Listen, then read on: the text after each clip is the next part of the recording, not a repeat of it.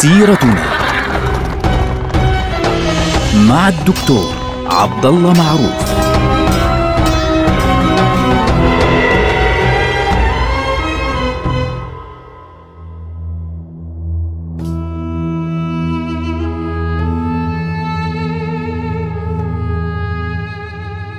السلام عليكم ورحمة الله وبركاته. سيرتنا سيرة هذه الأمة العظيمة ونحن الآن لازلنا في عهد السلطان سليمان القانوني.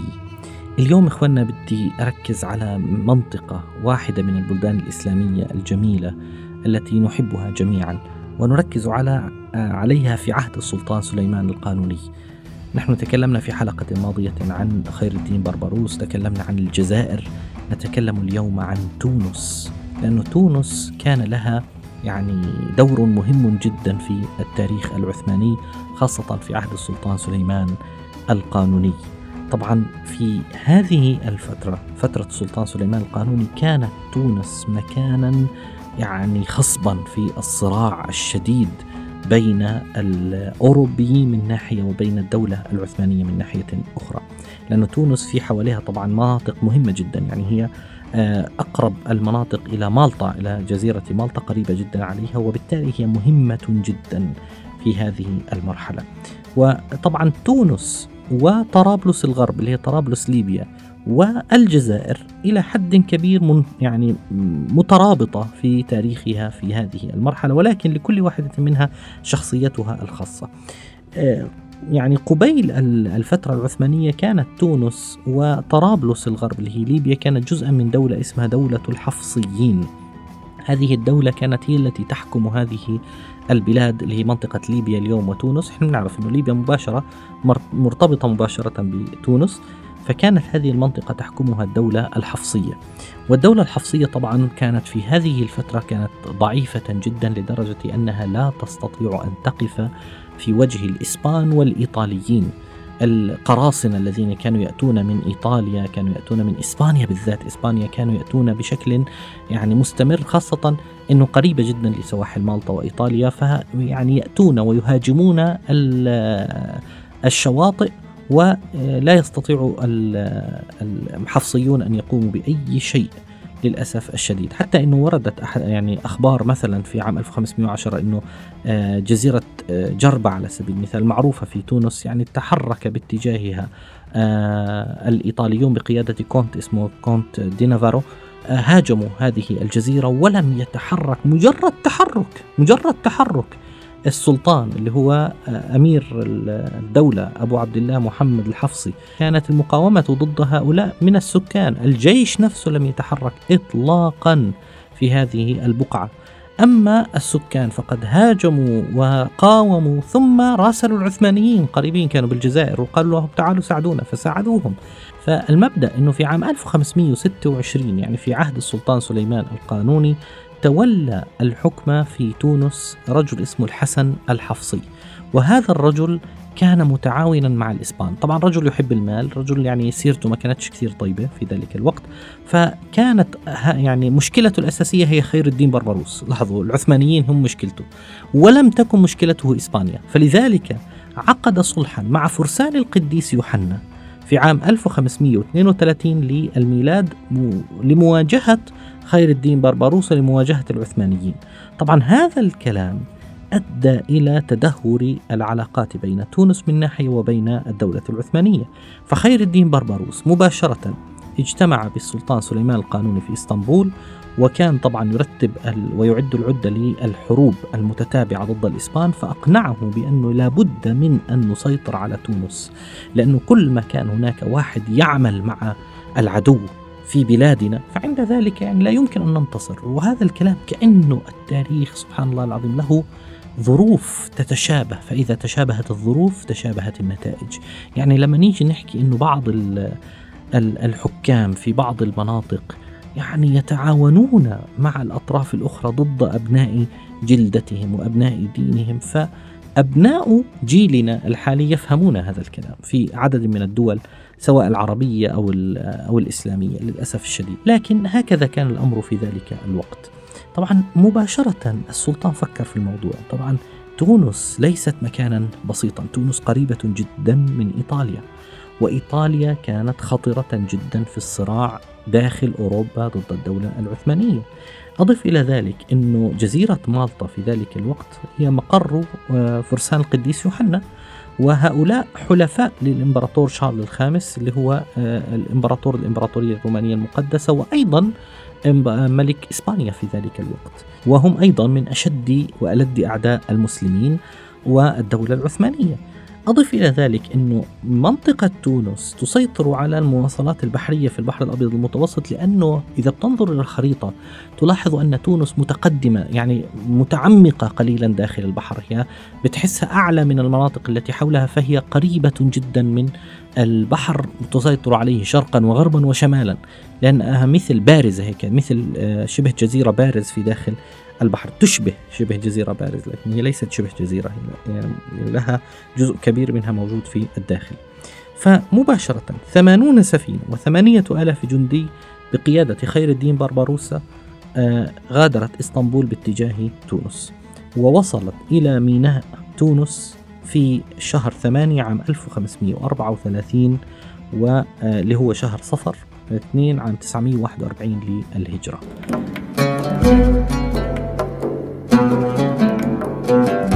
لما وصلت إلى هذه المنطقة كان السكان أصلا قد ثاروا ضد الحكم الحفصي.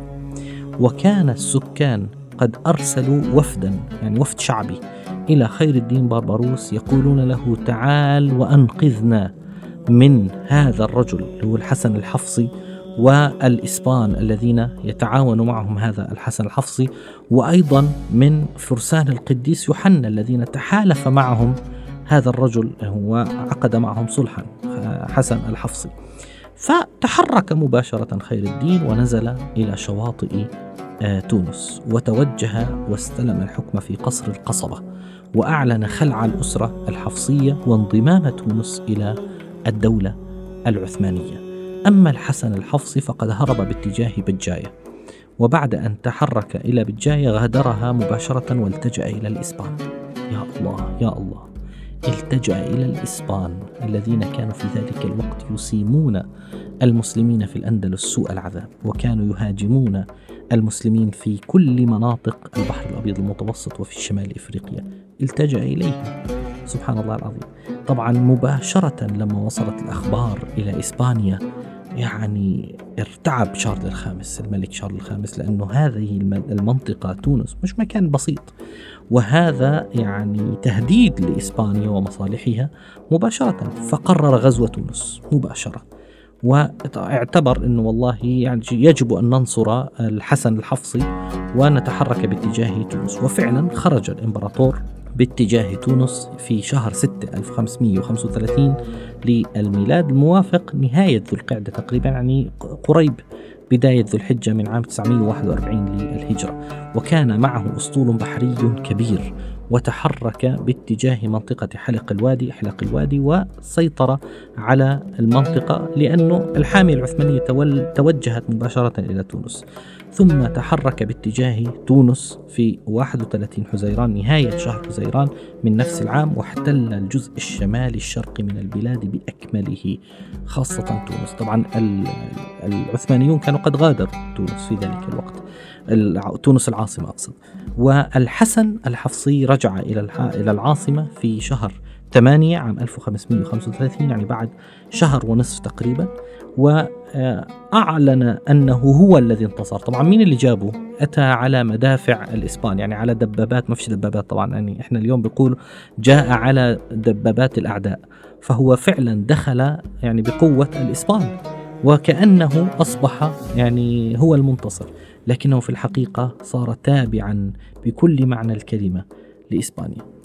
أما خير الدين بربروس فقد لاحظ أنه هو بعيد تماما عن الدولة عن إسطنبول. فمباشر لاحظ أنه هو الوضع بالنسبة له صعب فتحرك مباشرة بعيدا عن تونس. طبعا الحكم الإسباني في تونس لم يترسخ بشكل أساسي. لماذا؟ لأن السكان اعتبروا أن هذا الرجل دخل بقوة إسبانيا بقوة الاحتلال الإسباني.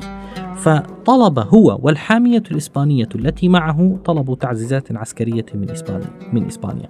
فمباشرة السكان شكلوا معارضة وشكلوا آه، إن صح التعبير مقاومة شعبية ضد الإسبان الذين يمثلهم هذا الشخص الذي ينطق بلساننا سبحان الله العظيم من أبناء جلدتنا يشبه كثيرا بعض البلدان سبحان الله.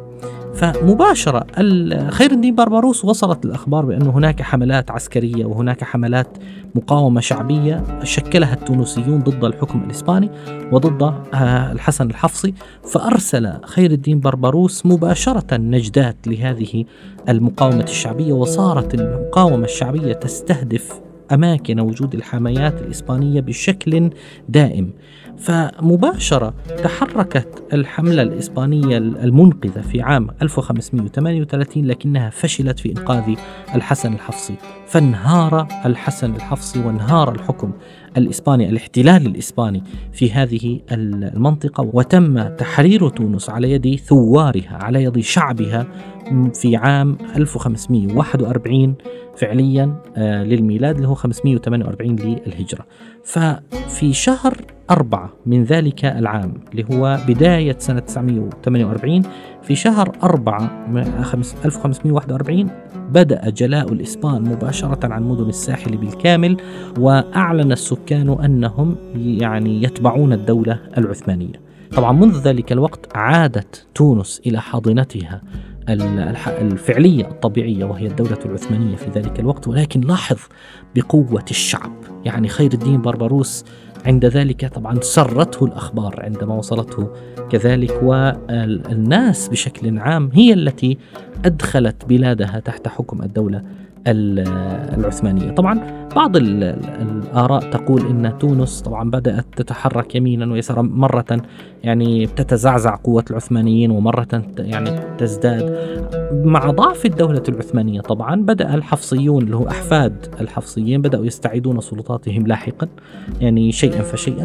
وكانت الأمور في في تونس متذبذبة بين ذهاب وعودة وتقدم وتأخر ولكن بشكل عام الشعب التونسي أثبت في ذلك الوقت أنه ينظر إلى بلاده على أنها جزء من محيطها العربي الإسلامي وليس جزءا من إسبانيا وأعلن بشكل واضح أنه لا يقف ابدا مع من أتى مع المحتل لكي يسيطر على هذه البلاد حتى وإن كان هذا الشخص الذي أتى مع الاحتلال هو من أهل هذه البلاد وأتى ويتحدث بلسانها وهو من أبناء جلدتهم. مع ذلك رفض الناس الحسن الحفصي. ورفض الناس هذا الذي دخل على يعني على يد الإسبان فعليا وبقوة الإسبان. فبالتالي أعطى الشعب التونسي في ذلك الوقت درسا لا ينسى في التاريخ. والدولة العثمانية فهمت هذا الدرس في عهد السلطان سليمان القانوني على الأقل فهمت هذا الدرس بأنها هي التي يعني جاء بها الشعب ولذلك ترك للشعب في بداية الفترة التي كان فيها العثمانيون ترك للشعب التونسي في ذلك الوقت الفرصة الكاملة لكي يأخذ أمور إدارته ما دام يعترف بأنه يتبع الدولة العثمانية وجزء من الدولة العثمانية التي كانت في نظر المسلمين في ذلك الوقت. طبعا دولة الخلافة الشرعية. فبالتالي يعني كان الشعب التونسي يعطي درسا ما زلنا نتعلمه حتى اليوم. فطوبى لتونس وطوبى لشعبها. نلقاكم على خير والسلام عليكم.